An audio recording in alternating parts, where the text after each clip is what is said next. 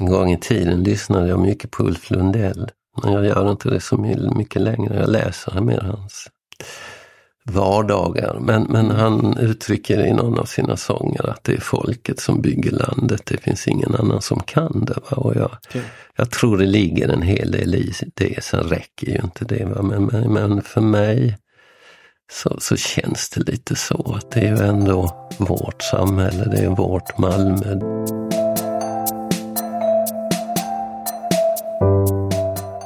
Du lyssnar på Engagemanget och du hörde precis dagens gäst Håkan Larsson som genom flera decennier varit med och drivit utvecklingen framåt för folkbildningen i Malmö. Och eh, han har startat inte mindre än två folkhögskolor i stan. Jag vet inte om han själv skulle hålla med mig, men eh, för mig är han möjliggörare som inte har behov av att själv stå i rampljuset, men som verkligen får saker att hända. I den här podden hör du samtal om hopp, för trots att vi lever i en värld av katastrofer, pandemier, krig, fattigdom och allt annat elände finns det trots allt massor av positiva krafter. Människor som vill göra gott för andra, för ett samhälle som håller ihop. Här får du höra om deras drivkrafter, tvivel, framgångar, motgångar och drömmar. Deras story helt enkelt. Jag vill att de här samtalen ska ge dig tillförsikt i framtiden. Att du inte själv är ditt värv och vilja att skapa en bättre värld för oss alla. Min vision är att det här ska vara något slags poddarnas hoppets hamn. Genom dessa berättelser kanske det till och med växer en gnista hos dig kring något du vill förändra. Och att du känner att det faktiskt är möjligt att ta saken i egna händer. Håkan Larsson ja. Jag hoppas att du ska få en liten inblick genom det här samtalet vem det är. En av de mäktigaste saker han varit delaktig i, från mitt perspektiv i alla fall, är att han stöttat och skapat möjligheter för framväxten av den numera framgångsrika skateföreningen Bryggeriet i Malmö. Och den har i sin tur gett genklang över hela världen, då många anser Malmö vara en metropol för skatare. Vi kommer att prata om betydelsen av folkbildning, vad vi kan göra för att öka delaktigheten i samhället, om vilken kraft det finns i samarbeten mellan kommun och föreningsliv och mycket annat. Jag är glad att jag fick ta del av några av Håkans kloka reflektioner och jag hoppas att du också ska få glädje av det. Så, nu till samtalet med Håkan. Håll till godo och hoppas att du ska gilla det.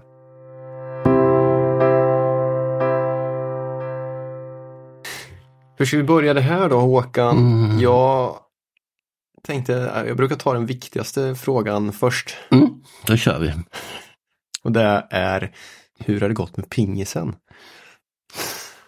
Jo, igår var vi faktiskt 16 stycken i väldigt olika åldrar och jag är inte längre äldst utan det är en man som är 73 år och jag är 71. Ja. Och nu, nu kommer också en del yngre killar och en tjej.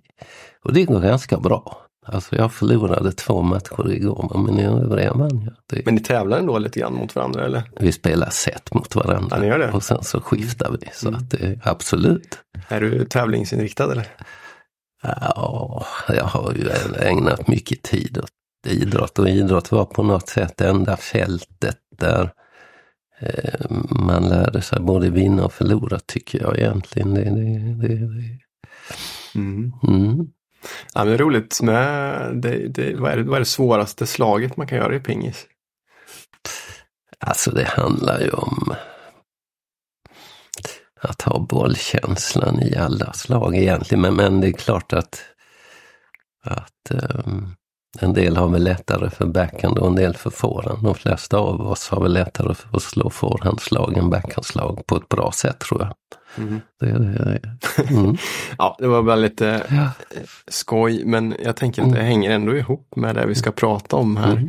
Kanske om hur man skapar gemenskap i lokalsamhälle mm. och delaktighet och så vidare. Och vad man använder för redskap för det.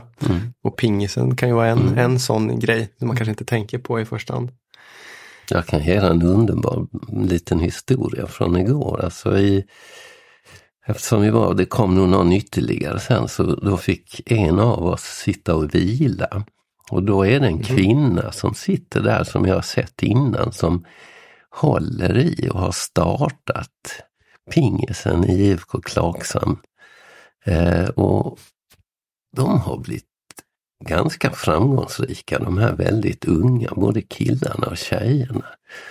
Så, så vi fick en fin pratstund där. Eh, hon berättade att hennes bror hade varit förbundskapten åt det danska landslaget när de vann EM och sånt för, jag vet inte, 10-15 år sedan. Då när Danmark var bättre än Sverige i pingis. Det är helt osannolikt. Mm. Så, så, eh, ja. Det är så mycket historier om man tar sig tid att lyssna. Mm. Tänker jag. Ja det är det. Va? Det, det, det, och att man har något att eh, samtala kring, någon ingång. Ja får se hur de här ingångarna på det här samtalet funkar. Men ja. jag tänkte Håkan att mm. anledningen till att jag vill ha med det här är att få, vi, liksom, våra vägar har korsats ganska många gånger under åren, mm. senaste mm. tio åren. Mm. Vi har aldrig jobbat ihop med någonting, nej, så nej. det har vi missat. Mm. Men eh, det är många av de sammanhangen som jag har varit i som jag tycker är viktiga, liksom, som du har varit med i och stått bakom på, på något sätt. Eh, men om jag kanske, jag tror, jag tror inte vi kommer igenom allting, det är helt omöjligt, men jag tänkte testa med att mm. öppna med en ganska bred fråga. Mm. Och det är, vad är ett gott samhälle för dig? Mm. Och vilken typ av samhälle du vill leva i eller vilken typ av samhälle du har jobbat för att mm. eh, mm. vi ska få. Mm. Alltså det viktigaste, en av de viktigaste grundstenarna i ett gott samhälle för mig är alla människors lika värde. Eh, jag tror det är oerhört viktigt så att säga utifrån många aspekter. Eh, och det känns väl emellanåt idag som att vi inte värderar kurder så högt om man ska prata om värdera, men, men kopplat till värde.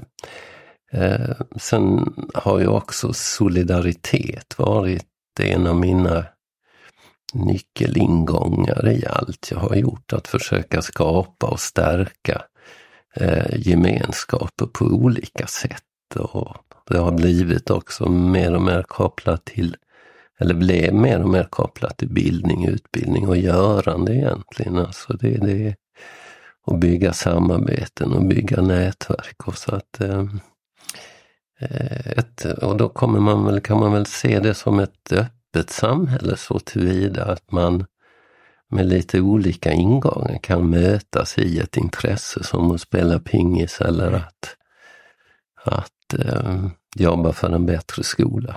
För att mm. ta sånt som handlar om ungdomar. Och ett värde som väl formulerades på 80-talet var väl egentligen att man kunde värdera ett samhälle utifrån hur vi tog hand om våra barn och unga. Alltså det, och det tycker jag är ett mått som är relevant i alla tider egentligen. Mm. Hur tycker du att vi gör det idag då?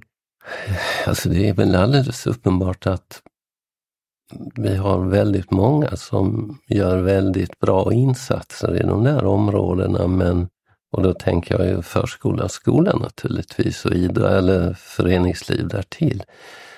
Men ändå så har vi, för att ta det som jag kanske tycker är bland det värsta att vi har 1500 som tar livet av sig på ett år. Alltså det är nästan fem om dagen som inte tycker att det är värt att leva längre. Mm. Du pratar det, om i Sverige? I Sverige, ja. Mm. Det, det, det. Så, så eh, vi anstränger oss väl, men eh, frågan är om vi inte skulle kunna göra det bättre och smartare. Ja, en annan sak som jag har funderat mycket på i förhållande till barn och unga, speciellt i Malmö då, mm. är ju att vi har landets högsta barnfattigdom mm. mm. och har haft det under många år. Mm.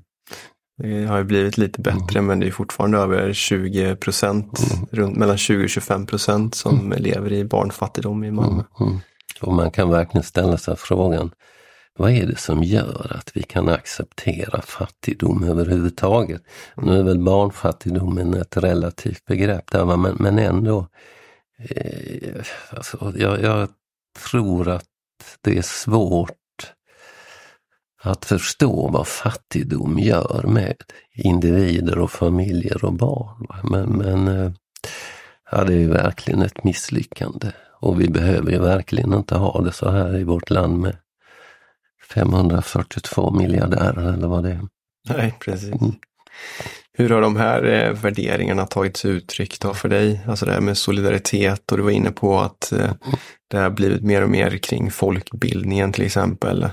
Kopplingen däremellan. Mm. ja, det, har, det är för rent eh, konkret så innebar det att jag en, en gång i tiden så jobbade jag i något som heter projekt Bättre bostadsmiljö. Det var efter jag hade slutat i Lund eh, och hade fått barn. Det var ett kommunalt projekt som hade en uppgift. Det fanns 2500 tomma lägenheter i Malmö på den tiden. Varav ungefär 2200 kanske var inom MKB. Mm. Och det här var ju för att då så att säga stärka upp områdena där det fanns flest tomma lägenheter. Så mm. jag jobbade med, med Gullviksborg, först Kroksbäck och sen Gullviksborg.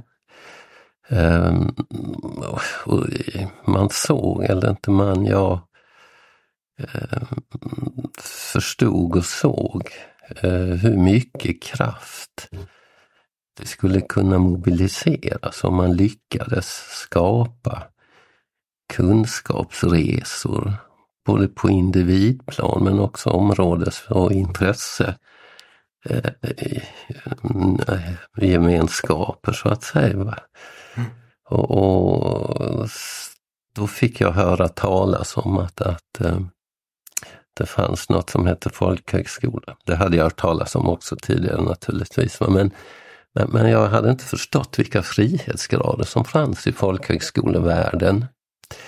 Eh, jag träffade på någon konferens en, en göteborgare som jobbade på Göteborgs folkhögskola som berättade om deras kurser. Och det ledde till att jag tillsammans med några andra på Gullviksborg skrev en motion och då fanns det inte en enda folkhögskola i Malmö som hade sitt säte i Malmö. Östra Greve hade verksamhet eh, redan då kopplat till Rosengård och, och eh, ja, Rosengårds folkhögskola kallade de det, låg på Persborg. Eh, så, så vi började arbeta för att Malmö skulle få en folkrörelse driven folkhögskola och det ledde fram till att det blev Malmö folkhögskola någon gång 92. Men innan dess så hade Kvarnby folkhögskola etablerat så att de kom lite mm. tidigare. Men, men ehm, det, det, syftet var då att vi skulle rekrytera folk ifrån de här områdena för att både stärka individen men också områdena som sådana i de här kunskapsprocesserna. Mm. Det, det. Jag är nyfiken på det här med folkhögskolor. Jag har ju mm. aldrig varit i den världen och förstår inte riktigt logiken och, mm. och sådär. Mm.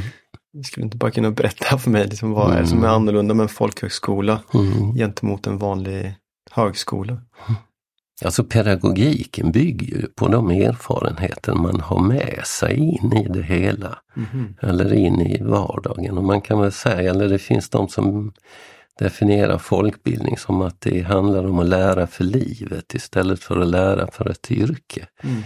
Och då den här vuxenpedagogiken som det är, man, man tar emot elever från 18 år och uppåt, innebär ju att man som studerande där har ju ändå med sig minst 18, ofta väldigt många fler års erfarenheter. Och då gäller det att utgå ifrån det på ett helt annat sätt än när man har fastställda kursplaner ifrån A till B så att säga. Mm. Så, så man bygger på det som redan finns och stimulerar och utvecklar och, och skapar motivation på nya sätt. Det, det. Mm. Um, så så det, det, finns fortfarande, även om det stramas upp lite mer efterhand. Eh, stora frihetsgrader i folkhögskolevärlden. Mm. Mm.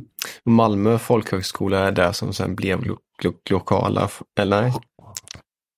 Nej, Nej, Malmö folkhögskola är en skola för sig själv. Och den finns fortfarande? Den finns fortfarande. Eh, men den förening vi hade startat, vi kom inte riktigt överens med de andra så att vi lämnade Malmö folkhögskola vars huvudmän är LO, ABF och Hyresgästföreningen. Och sen mm. hade vi eh, vår förening som då hette Folkhögskoleföreningen i Malmö. Vi fortsatte att jobba eh, eftersom vi, vi tyckte att det här var så spännande med folkbildning. Så vi fick då möjlighet att 2005, det vill säga drygt tio år senare, starta den lokala folkhögskolan. Mm. Så, så att det har blivit två folkhögskolor. Och, och, jag har ju alltid gjort saker tillsammans med andra i samskapande så att Mm. säga. Och att det har varit det stora värdet. Vilka var det då när, som startade upp eh, Glokala? Där det var föreningen som stod, men vilka Ja. andra organisationer stod bakom? Ja, det var bara Det var föreningen. Mm, det var bara förening. Vi hade ju då medlemmar och vi hade ju nära samarbete med Bryggeriet och Holma Folkets hus och inte minst Sofielund Folkets hus. Ja, just det. Där vi hade lokalerna så att säga. Så Mm. att vi tre, eller de tre organisationerna var ju någon form av grund för lokala folkhögskolan kan man säga. Varför Mm. hette det, eller varför heter det Glokala?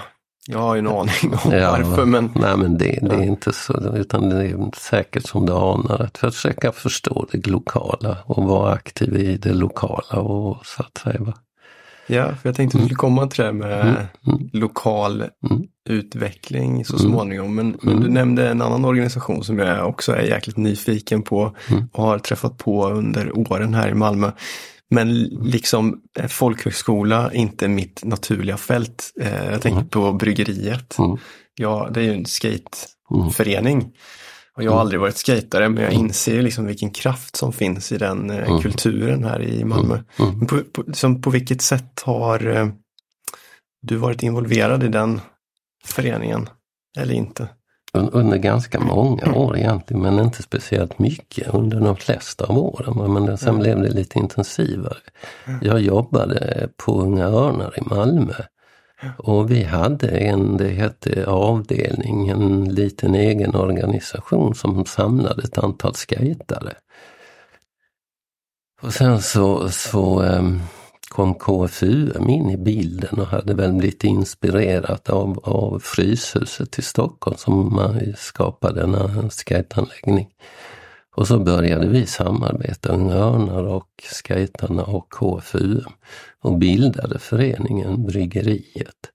Och skejtarna fick möjlighet att någon gång 1995 tror jag, när vi hade fått tillgång till eh, Sofielunds Folkets hus, att göra en ramp i en tidigare skolsal från vägg till vägg.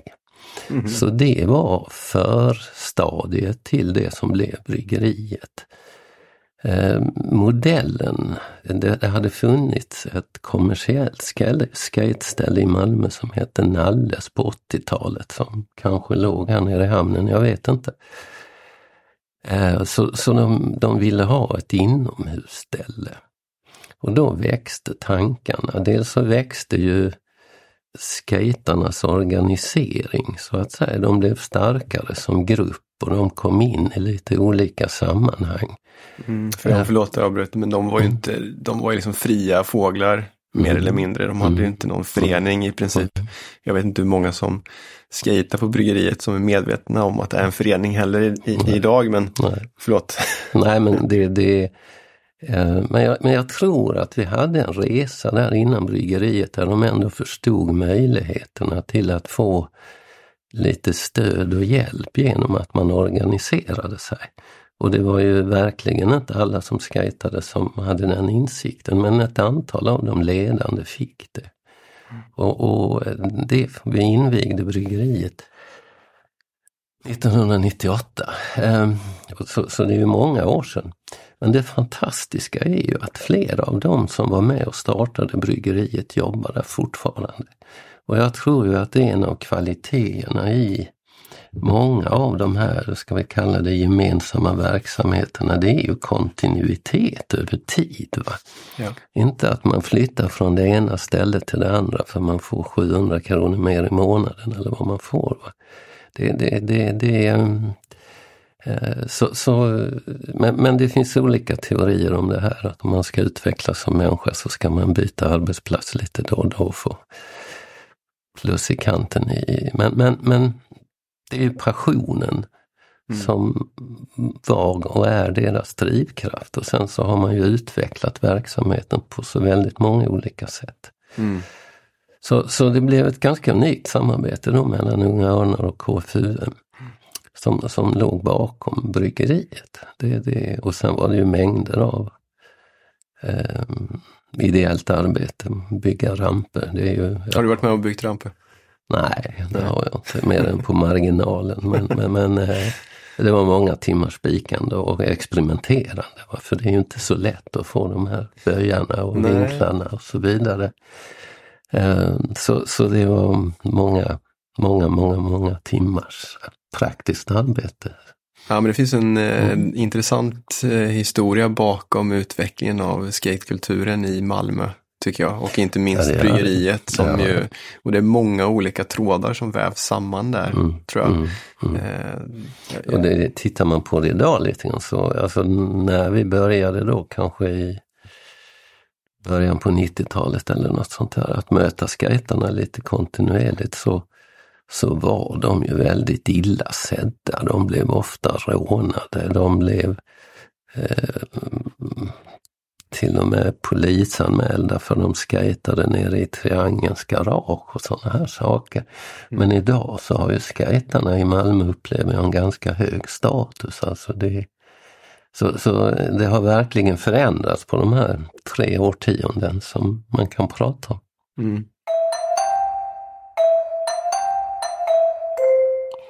Du var inne på det här med hur passion driver utveckling. Mm. Den här podden som jag gör heter ju Engagemanget och mm. tanken är att ska utforska hur, hur, de, hur de drivkrafterna som finns hos människor i, kanske primärt i Malmö men runt mm. omkring i Sverige mm. också, mm. hur det bidrar till förändring i samhället. Så bryggeriet är ju en, mm. ett intressant case här, Verkligen. vad man kan åstadkomma på något sätt. Men jag var också nyfiken på för dig själv.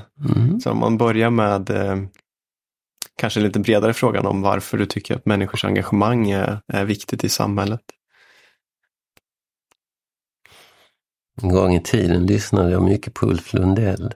Men jag gör inte det så mycket längre. Jag läser mer hans vardagar. Men, men han uttrycker i någon av sina sånger att det är folket som bygger landet. Det finns ingen annan som kan det. Va? Och jag, okay. jag tror det ligger en hel del i det. Sen räcker ju inte det. Va? Men, men, men för mig så, så känns det lite så att det är ju ändå vårt samhälle, det är vårt Malmö. Det, det, det, vi har möjlighet att påverka, vi har möjlighet till inflytande om vi har sunda idéer och beter oss hyfsat så att säga. Det, det, mm. Mm. Vad har det betytt för dig i ditt eget liv då? Eh, ditt eget engagemang så att säga för olika saker? Jag tror att det har betytt att jag har fått jobba väldigt självständigt men alltid ihop med andra så att säga. Jag, om jag jämför din värld som jag anar men inte vet, så, så, så finns det, nu har du ju ett sånt brett uppdrag men om, om vi tar Pratar du om min värld som i min professionella värld nu? Din professionella värld, ja. Mm. Så, så, så, eller om vi, vi tar den kommunala organisationen så har man ju sitt arbetsfält, en del kallar det stuprör. När man jobbar i föreningslivet så avgör man ju själv om gränserna går för sitt engagemang. Det, det, det, eller vad man ska göra i föreningen och organisationen. Och den friheten har, har varit inspirerande tycker jag, och lett, mm. eller inspirerande för mig och lett till många spännande projekt och också lärprocesser och forskningsprojekt och så. Alltså det, det, det, och det som har satt sig väldigt starkt i mig, för att återknyta till bryggeriet, det är ju hur staden och den här ideella föreningen samarbetade på ett sånt underbart sätt. Ja. Med stadens enorma resurser egentligen. Det finns ju allt i Malmö stad i stort sett. Det, det, och så leddes eh, Gunnar Eriksson var stadsträdgårdsmästare och var med i hela den här processen. Och, och tog fram de beslut som behövdes för att sedan också skapa Stapelbäddsparken och sen ta det vidare ut i stan. Ja. Så att värdet av ett samarbete mellan den kommunala, lite mer begränsade strukturen och eh, den ideella världen ju, har ju en jättepotential. Sen tyvärr så är det ju allt för sällan att, att det blir sådana goda samarbeten tycker jag. Det, det, ja, men det kan jag hålla med dig. Men sen en annan reflektion som jag har kring det där mm. är eh, där du är inne på handlar om vilket utrymme man ger sig själv också. Mm. Mm. Alltså du säger det kanske är lättare att ta det utrymmet och se det utrymmet när man är mm. inom mm. eh, civilsamhället. Mm. Men utrymmet finns också som eh, offentligt eh, anställd skulle jag säga, mer än man tror. Eh, men det kanske är mer ehm, rädsla för att göra fel som styr en än möjligheten att göra rätt ofta. Mm. Det är mm. min reflektion efter mm.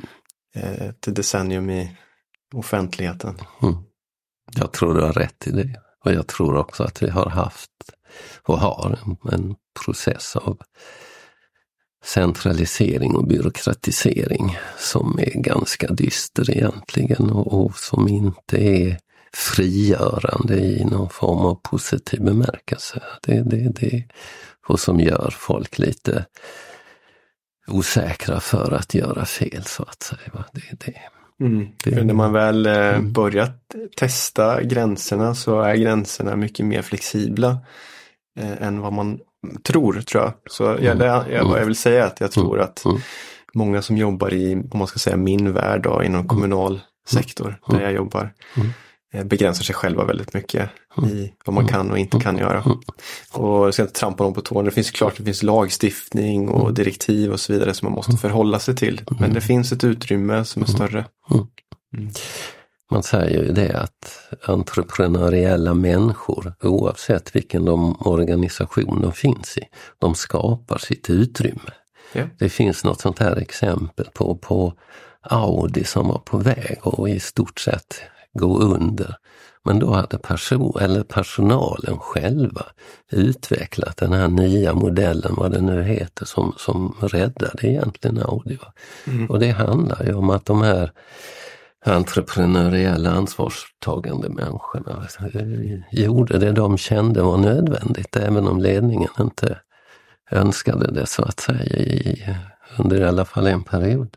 Mm. Mm. Eh, sen finns det ju också, det styrs mycket av kulturer och sånt här. Vi har ju också haft en väldigt stark eh, period där man, man har pratat mycket om att man ska fokusera på kärnverksamhet och sånt här.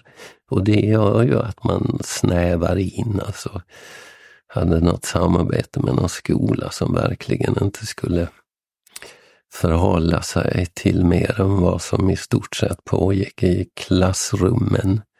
Eh, medan en, säkert kan man se på det här på helt andra sätt i en annan skola där samspelet med närsamhället kan spela en väldigt stor roll. Va? Så, och, och det här har varit ganska starka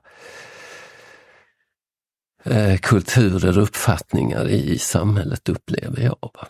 Och, så, mm. sen då den här, eh, om jag nu är något på spåren med byråkratisering och centralisering så leder ju det här till allt ifrån stuprörsinvesteringar, arkitektur, stuprörsarkitektur, alltså man tänker en simhall i taget istället för breda folkhälsoanläggningar. Och det blir dyrt driftsmässigt och det, alltså, eh, och det, det tror jag är effekter av de här stuprörens och vi, vi får också superpolitiker och superchefer inom gigantiska avdelningar med tusentals anställda. Det här mm. tror jag man får, kan fundera på om, om det är så vidare mm. um, stärkande, eller för att stärka delaktigheten så att säga. Åtminstone mm. så krävs det ju mycket starka, komplexa Eh, kompletterande organisationer. Mm. Det, det, det, det, och där tror jag det inom Malmö stad, det här med, med um, stöd till samverkansorganisationer tror jag det heter. Där um, ja, på fast... Limhamn är ett ja. exempel. Och, det är Fastighets och gatkontoret som har ett sådant mm, stöd. Det det. Mm, mm. Samverkansstöd. Mm. Och det, det, tror jag ju väldigt mycket på. De här, ja, man gör, eftersom jag har levt nära och föll på Limhamn. Alltså så mycket Mm. klokt de gör och bra de gör och för samman människor på både inom kulturens område och, men också inom andra kunskapsresor och företagsutbildningar och så vidare. Mm. Så, så det känns gott att det har kommit till stånd. Mm. Sen är det en ganska liten del trots allt. Ja, nu blev det lite dystert. Ja, det. Men det är en sak som jag vill komma till Ja. Håkan som du är inne på nu och det handlar om delaktighet och kanske i nästa steg ett begrepp som eh, vi har kallat samhällsentreprenörskap Mm. som jag ville prata med dig om. Mm. Eh, det är någonstans där så jag ser på kopplingen oss emellan också att Mm. vi jag på mitt håll har jobbat för att eh, försöka bidra till att få fler att bli delaktiga i Malmö och Malmös utveckling. Mm. Och det tänker jag att du också har gjort på ditt sätt. Mm. Eh, och där togs ett uttryck i det här, i, i Mm. det här med samhällsentreprenörskap. Och det var ju så också, kanske att, om jag minns rätt, vi träffades då för tio år sedan. Så Mm. var det inom det här spåret. Mm. Liksom. Skulle du bara vilja börja med, och för den som inte vet vad en samhällsentreprenör är, Mm. vad det är för konstigt begrepp. Vad är entreprenörskap för dig? Vad det är för mig? Ja. Jag tror det är lite grann så som du, eh, du beskriver det där. Jag har ju tänkt på det i min roll som eh, anställd i kommunen och hur man kan göra nyskapande saker inom ramen för det uppdraget. Mm. Då har vi faktiskt pratat om någonting som heter, eller heter, vi kom på ett brev tror jag, som heter intraprenör. Mm. Så eh, entreprenörer finns ju precis överallt, men jag tror att man blandar ihop det ganska mycket med eh, företagare. Mm. Det är väl en, Mm. Så var det för mig också när jag mötte begreppet från början att jag trodde att för, eller entreprenörskap fanns inom företagsvärlden bara. Men entreprenörskap lärde jag mig spännande process. Eh, kan man uttrycka som att man ser en brist någonstans. Man har en idé, en idé om hur man skulle kunna förbättra eller förändra. Men den tredje delen och den som är absolut nödvändig det är att man gör, att man prövar att, att testa det som man tror förändrar. Annars är det inte entreprenörskap. Och, och vi kom in och det var också kopplat till bryggeriet egentligen i en väldigt spännande process som KK-stiftelsen satte pengar till där vi under några år fick vara med i något som hette Kraftgrupp. Det stod för kompetens, reflektion, affärsutveckling och tillväxt. Och vi var några föreningar och ehm, MKB var med. Eh, och sen så var det två professorer, Björn Bjerke och Daniel Hjort. Och vi fick verkligen tillfälle att, att eh, lära oss och också reflektera om det som då vi blev ganska övertygade om till slut själva. Att, att eh, vårt eget entreprenörskap, eh, och inte bara kopplat till skate, men, men, men det var mycket utifrån bryggeriet. Um, så, så det här var egentligen bakgrunden till också att vi några stycken startade Centrum för publikt entreprenörskap och det publika ska då ses som att entreprenörskapet är till för samhället i sin helhet. För alla medan då de här affärsmässiga entreprenörskapen eh, är ju mer fokuserade på, på efterfrågan medan samhällsentreprenörskapet bygger på behov i grund och botten och där är ju en kvalitativ skillnad. Eh, Så, så det där eh, var väldigt eh, lärorika processer. Mm. Och det är ju den, alltså sen bytte den här organisationen, vi stiftade namn till Idéburen utveckling och finns fortfarande idag. Så att säga. Just det, bara för att reda ut det. Så Ja. Centrum för publikt entreprenörskap blev idéburen Mm, utveckling mm, så småningom. mm, som mm. fortfarande finns kvar som en Mm. förening här. Mm. Det är. Regionalt Mm. är det va? Nej men det är ett spännande Mm. begrepp. Mm. Undflyende för mig Mm. ibland. Mm. Men Mm. det är någonting som är viktigt i det tycker jag. Mm. Att man inte bara stirrar sig blind på det här affärsmässiga då. Mm. Eller att det blir en kombination av det affärsmässiga och ett, eh, Mm. en, en passion för att, att förändra samhället på något Mm. sätt. Mm. Eller vara med och bidra till en positiv förändring. Som, jag ska säga att Ofta så kanske förbiser man det här affärsmässiga, men det är också en viktig del i det för att det ska kunna bli långsiktigt, har jag kommit på allt eftersom. Här. Ja, det behöver det ju inte vara. Va? Hela den offentliga verksamheten är ju inte så affärsmässig. Nej, men, nej, men och det ska den ju inte vara heller. Den, ska, alltså, den som är sjuka ska ju mm. gå för, mm. komma först i sjukvårdskön, så att säga. Mm. Mm. Och så, så jag tror det är viktigt att skilja på behov och efterfrågan i det här sammanhanget. Va? Det, det, det, det är, eh, och, och, vi har ju varit eh, fokuserade på, på eh, det vi kallar behov. Eh, kan man ju fundera på om det finns något behov av att åka skateboard, men det gör det tydligen. Men, men, men det finns andra behov som är starkare. Sen behöver ju alltid också om man då jobbar i föreningsvärlden så behövs det ju alltid intäktssidor också. Så att säga. Ja, det så kanske är mer det jag mm, menade med mm, affärsmässiga. Mm, så att eh, mm, man drivs av mm. en fråga eller en, mm, en, någon slags ideologi i botten. Som den måste, måste ju, man måste få intäkt för att kunna driva den frågan helt enkelt. Jo, så är det ju. All verksamhet behöver sin finansiering. så att det, det, det, det. Men du, idéburen utveckling då, är det samma tanke om vad, vad, man vill åstadkomma med den föreningen som det var från början eller hur ser det ut nu? Vad är liksom ert varför i idéburen utveckling? Det handlar ju om att stödja lokala initiativ och lokal utveckling inom ett antal eller några olika områden. Ehm, så, så det har ju kanske man kan säga, det har väl blivit en förflyttning. Eh, från början tror jag vi var ännu mer Malmöfokuserade. Idag så pratar vi mycket om stad och land och mm. har ett antal eller några projekt också kopplat till, till eh, andra delar av Skåne än Malmö. Och det är berikande. Ibland så upplever jag att man tror ifrån vissa håll att Malmö är så unikt och bra när det gäller att hitta metoder inom sociala verksamheter. Men jag tror vi har väldigt mycket att lära av små och mindre kommuner så att säga mm. också. Det, det. det håller jag med full, fullständigt med om. Mm. Ni hade ju en konferens här mm. i, ja, men för ett par månader sedan som hette mm. Stad och land mm. hand i hand. Mm. Det är ju en intressant tanke där var ju att det finns väldigt mycket likheter mellan lokal utveckling på landsbygden och mm. lokal utveckling i städerna. Mm. Och jag brukar ju prata med mina närmaste om hur vi har byar i städerna egentligen. Mm. Som är våra mm. små, du frågar mig vart jag mm. bodde, så här, Johanneslust är min mm. lilla by i Malmö. Och all utveckling sker ju på något sätt lokalt kan jag tänka ibland.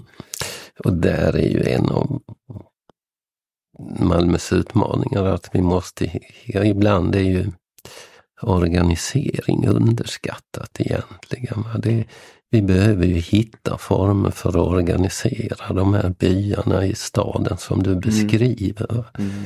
När jag, om jag flyttar tillbaka mig till min tid när jag jobbade i projekt Bättre bostadsmiljö så lärde jag mig att pratade man om Rosengård så fanns det fyra eller fem delar av Rosengård som var verkligen annorlunda, även om man jämförde dem med varandra. Så, att säga. så att vi måste förstå de här lokala förutsättningarna och kvaliteterna. Och vi måste lita på människorna. Alltså jag, jag det, det, expertsamhället, om vi ska kalla det så, har ju ett ädelt syfte på något sätt. Va? Men, men eh, ibland så tappar man en del av den eh, eh det här som är livets väsentligheter, höll jag på att säga. Va? Men, men, men mm. Eh, för att koppla till folkbildningen så, så tror jag att det här bredare synsättet har en hel del förtjänster. Och att vi behöver lägga, inom citationstecken, mycket mera fokus på potentialerna som finns i det du kallar Malmös många olika byar. Det är mm. då egentligen, för att knyta an till den tillväxtkommission som nu arbetar, det är då vi kan få skapa värden som man kan se som tillväxt kopplat till en definition av tillväxt som handlar om individer, organisationer och ekonomi, inte bara ekonomi. Nej, just det, det, är liksom, det här är en nyckelfråga, tror jag, för Malmös utveckling. Mm. Och det finns idag väldigt lite politiska signaler upplever jag med undantag av de här samverkansstöden som förstår potentialen med de här lokala organisationerna. Det, tyvärr är det så. Jag sitter ju på en enhet just nu som heter lokal utveckling och trygghet. Mm. Så att jag tänkte när jag cyklade hit så här, kan jag Mm. få några tips om är här? Jag är nyfiken på, för, för, vi, för vi pratar om vad lokal utveckling är Mm. just nu. Mm. Och vad det ska vara för oss här. Hur, hur skulle man, finns det något enkelt sätt att rama in lokal utveckling? Vad är det egentligen? Jag tror man kan knyta an till eh, den här tredje delen i entreprenörskapet, alltså görandet. Mm. Jag tror det måste finnas ett görande i botten. Va? Och att det görandet det är lokalt. Det, det, det tror jag är en del i det. Va? Och sen tror jag att man behöver bilda, stimulera. Man kan ju inte bilda organisationer uppifrån, men man kan stimulera eh, organisationer att börja verka i de här byarna i staden. Eh, sen kan man på ett strukturellt plan naturligtvis kopplat till skolor, dagis och annat eh, jobba med föräldrar och företag i närområdet på ett helt annat sätt än vad man gör idag. Det, Mm. det är liksom det. eh, Men man ska ju också vara medveten om att, att, att eh, det, samarbeten och samverkan kräver både tid och kompetens. Mm. Men, men jag, jag läste för många år sedan en utvärdering av sådana här eh, lokala utvecklingsprojekt i Dalarna, tror jag det var. Eh, och, och Han hade tre kriterier som man hade kommit fram till att det, det behövdes för att, att göra det framgångsrikt. Det ena är naturligtvis den lokala förankringen. Det andra är kunskap utifrån för att, så att det inte ska bli någon sån här inbördes tjafs.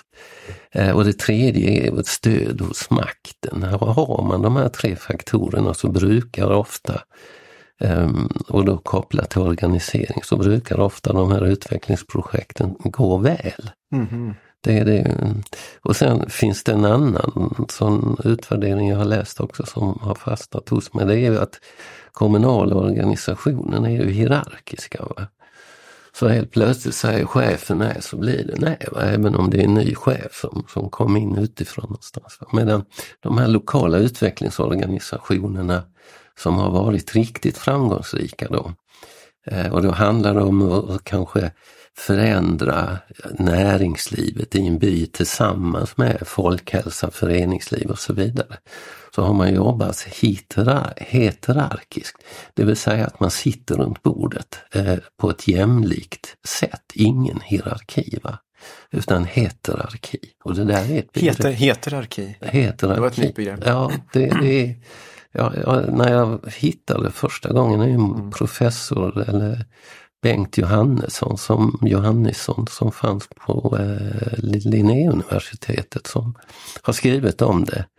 Eh, och, och jag tycker det stämmer så. Alltså när vi satt med skejtarna så var det det var att lyssna åt alla håll. Och så kom vi överens om att så gör vi så och så gick Precis. inte det så fick vi börja om igen. Men vi var överens om att vi hade valt väg. Det är lite grann också Håkan kring vilka olika roller man tar som olika organisationer. Om jag ser på mig nu då som jobbar inom kommunen, vad kan en kommun göra i lokal utveckling? Vad ska en kommun kanske inte göra? Vad kan andra organisationer göra bättre? Och du var inne på det här med att vi måste börja lita mer på eh, Malmöborna då, i det här fallet. Och jag vet du och jag har pratat om medborgarbudget som en väg framåt tidigare. Och det har jag varit, det har liksom varit en käpphäst för mig här också genom åren att eh, det är ett sätt som vi kan bygga underifrån och ta tillvara på de resurserna som finns i lokalsamhällena och lita på att de idéer och eh, planer och drömmar som man har är någonting att ha. Mm. Det är som att annars underkänner vi ju alla oss som bor här. All, all vår kapacitet som vi har. Hänger du med på vad jag menar? Ja, absolut. Eh, och där är också kopplat till då det här med tillväxtkommissionen. Det finns ju en jättepotential i det här. Att, att utveckla ett system för medborgarbudgetar för att skapa ett större engagemang och också skapa ett större görande och sannolikt klokare beslut hur vi använder våra pengar. Det är liksom det, det, det. Så jag har ju aldrig varit riktigt i närheten av medborgarbudgetförsök. Vi har ju inom eh, idéburen utveckling haft försök med, med kvartersbudgetar som är något annat. Va? Mm. Eh, det handlar om, om resurser och ekonomi där också men, men det handlar inte om den gemensamma eller den kommunala verksamheten på det viset som som det gör i, så att säga så kallade riktiga medborgarbudgetverksamheter. Mm. Men det sker en spännande utveckling över Europa där allt fler städer, också större städer, gör försök som övergår i permanenta verksamheter. Och jag hörde i något sammanhang att, att man hade forskat på, det här kommer ju från Brasilien och Porto Alegre på 80-tal, Ehm, att, att tillväxten i de områden där man hade jobbat med medborgarbudgetar jämfört med områden som var likartade där man inte hade gjort det var ju 20-30 procent högre över mm. tid. Mm. Mm. Alltså att människor tar tillvara på sina inneboende resurser på ett annat sätt när de börjar fundera kring områden, fält, ekonomi som de tidigare inte har haft någon, ska vi säga, anledning att fundera på. Det, det sker en växt i individerna, i organisationerna, som också är ekonomiskt oerhört intressant. Mm.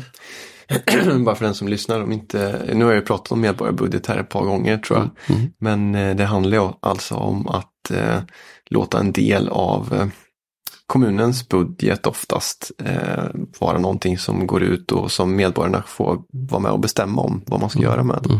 Och det har ofta handlat om platsutveckling mm. men det kan handla om andra saker också som, mm. eh, som ligger inom en kommuns ansvar kan man säga. Mm. Så det är ju att fördela makt på ett annat sätt mm. här. Och mm. väldigt konkret genom att använda pengar mm. och låta medborgare ta ansvar mm. för mm. och förstå mer om vad saker och ting kostar och hur man mm. kan använda de resurserna.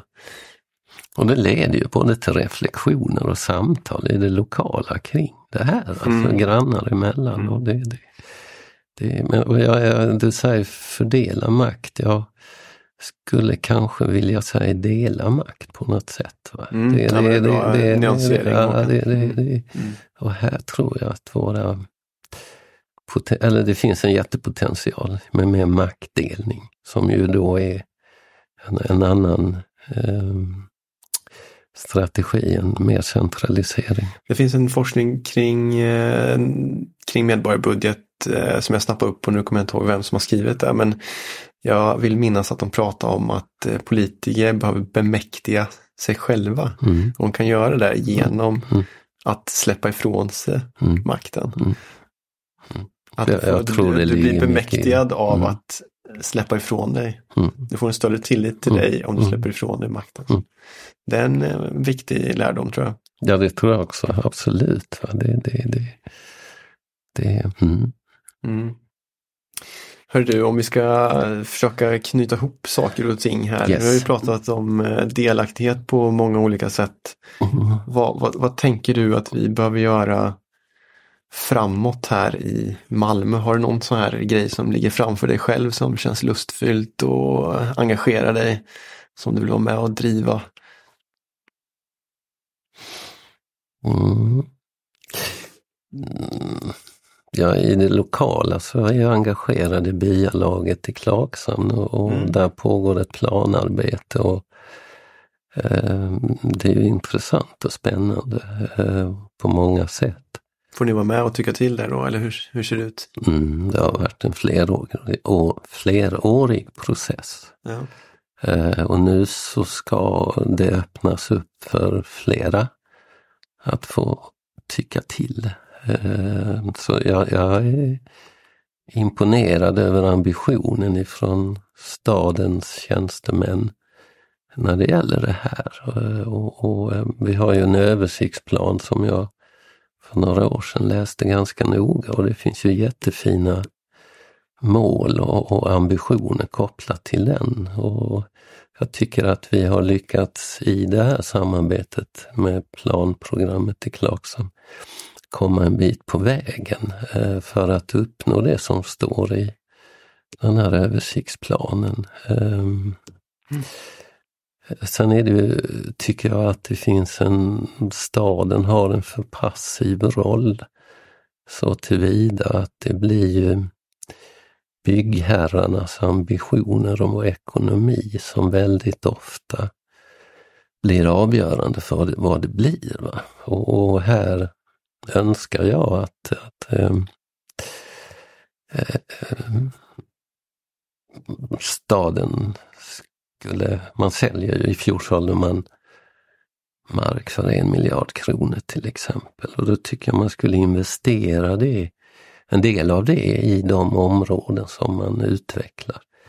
Eh, det, det innebär ju egentligen bara att flytta medel i balansräkningen för värdena på att göra ett ordentligt torg i Bunkeflostrand för att ta något konkret exempel, vilket man borde ha gjort för 25 år sedan och byggt eh, stadsdelen utifrån det och också kanske satsat mm. på något liknande Kockums fritid där ute så hade man skapat helt andra förutsättningar för människor att mötas plus att det också hade blivit en bra driftsekonomi. Mm. Men, men det kräver ett helhetstänk och inte stuprörstänk från staden. Mm. Eh, som, som, eh, där tror jag man kan utveckla mycket.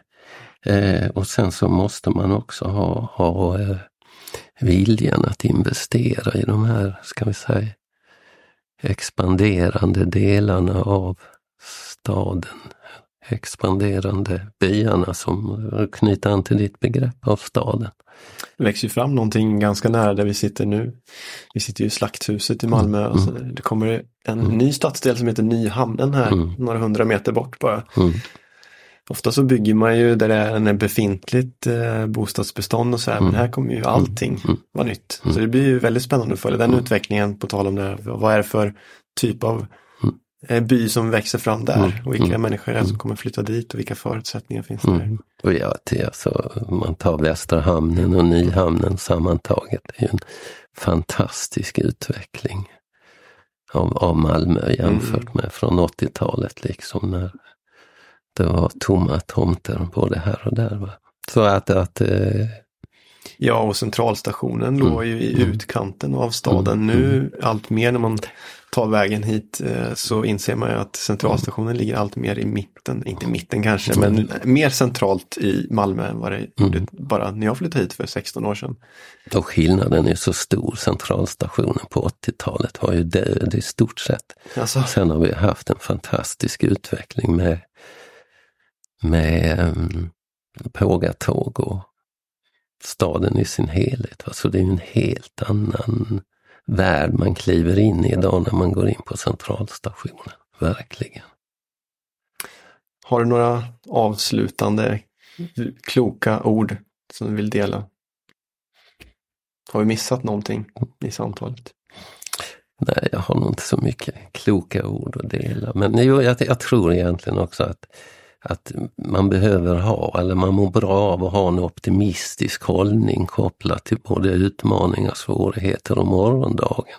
Jag tror faktiskt att, att det påverkar. Ehm, det, det, det, ehm,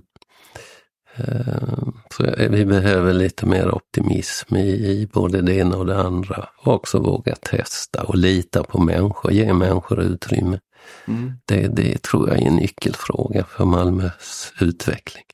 Det är fint att du säger det, för det är liksom för, också försöker åstadkomma i det lilla med de här mm. samtalen mm. som jag gör i den här mm. podcasten. Och det är ju det man lär sig i föreningslivet. Man ser ju hur människor förmår och vill och gläds över att ha att vara med och dela ansvar i olika sammanhang. Mm. Man skapar meningssammanhang som är ett sånt där begrepp som jag tycker är så innehållsrikt på många olika sätt. Va? Och det man också ofta gör i föreningslivet, eller i alla fall ibland, är att man möter både yngre och äldre människor och det tror jag också är ett av de här kärnvärdena i vår mänsklighet egentligen. Mm. Hör du Håkan, ja. vilken ära att få prata med dig här på, på morgonkvisten. Jag tackar dig så mycket för att du tog dig tid att komma hit. Tack Tom, tack det var jätteroligt att få komma hit.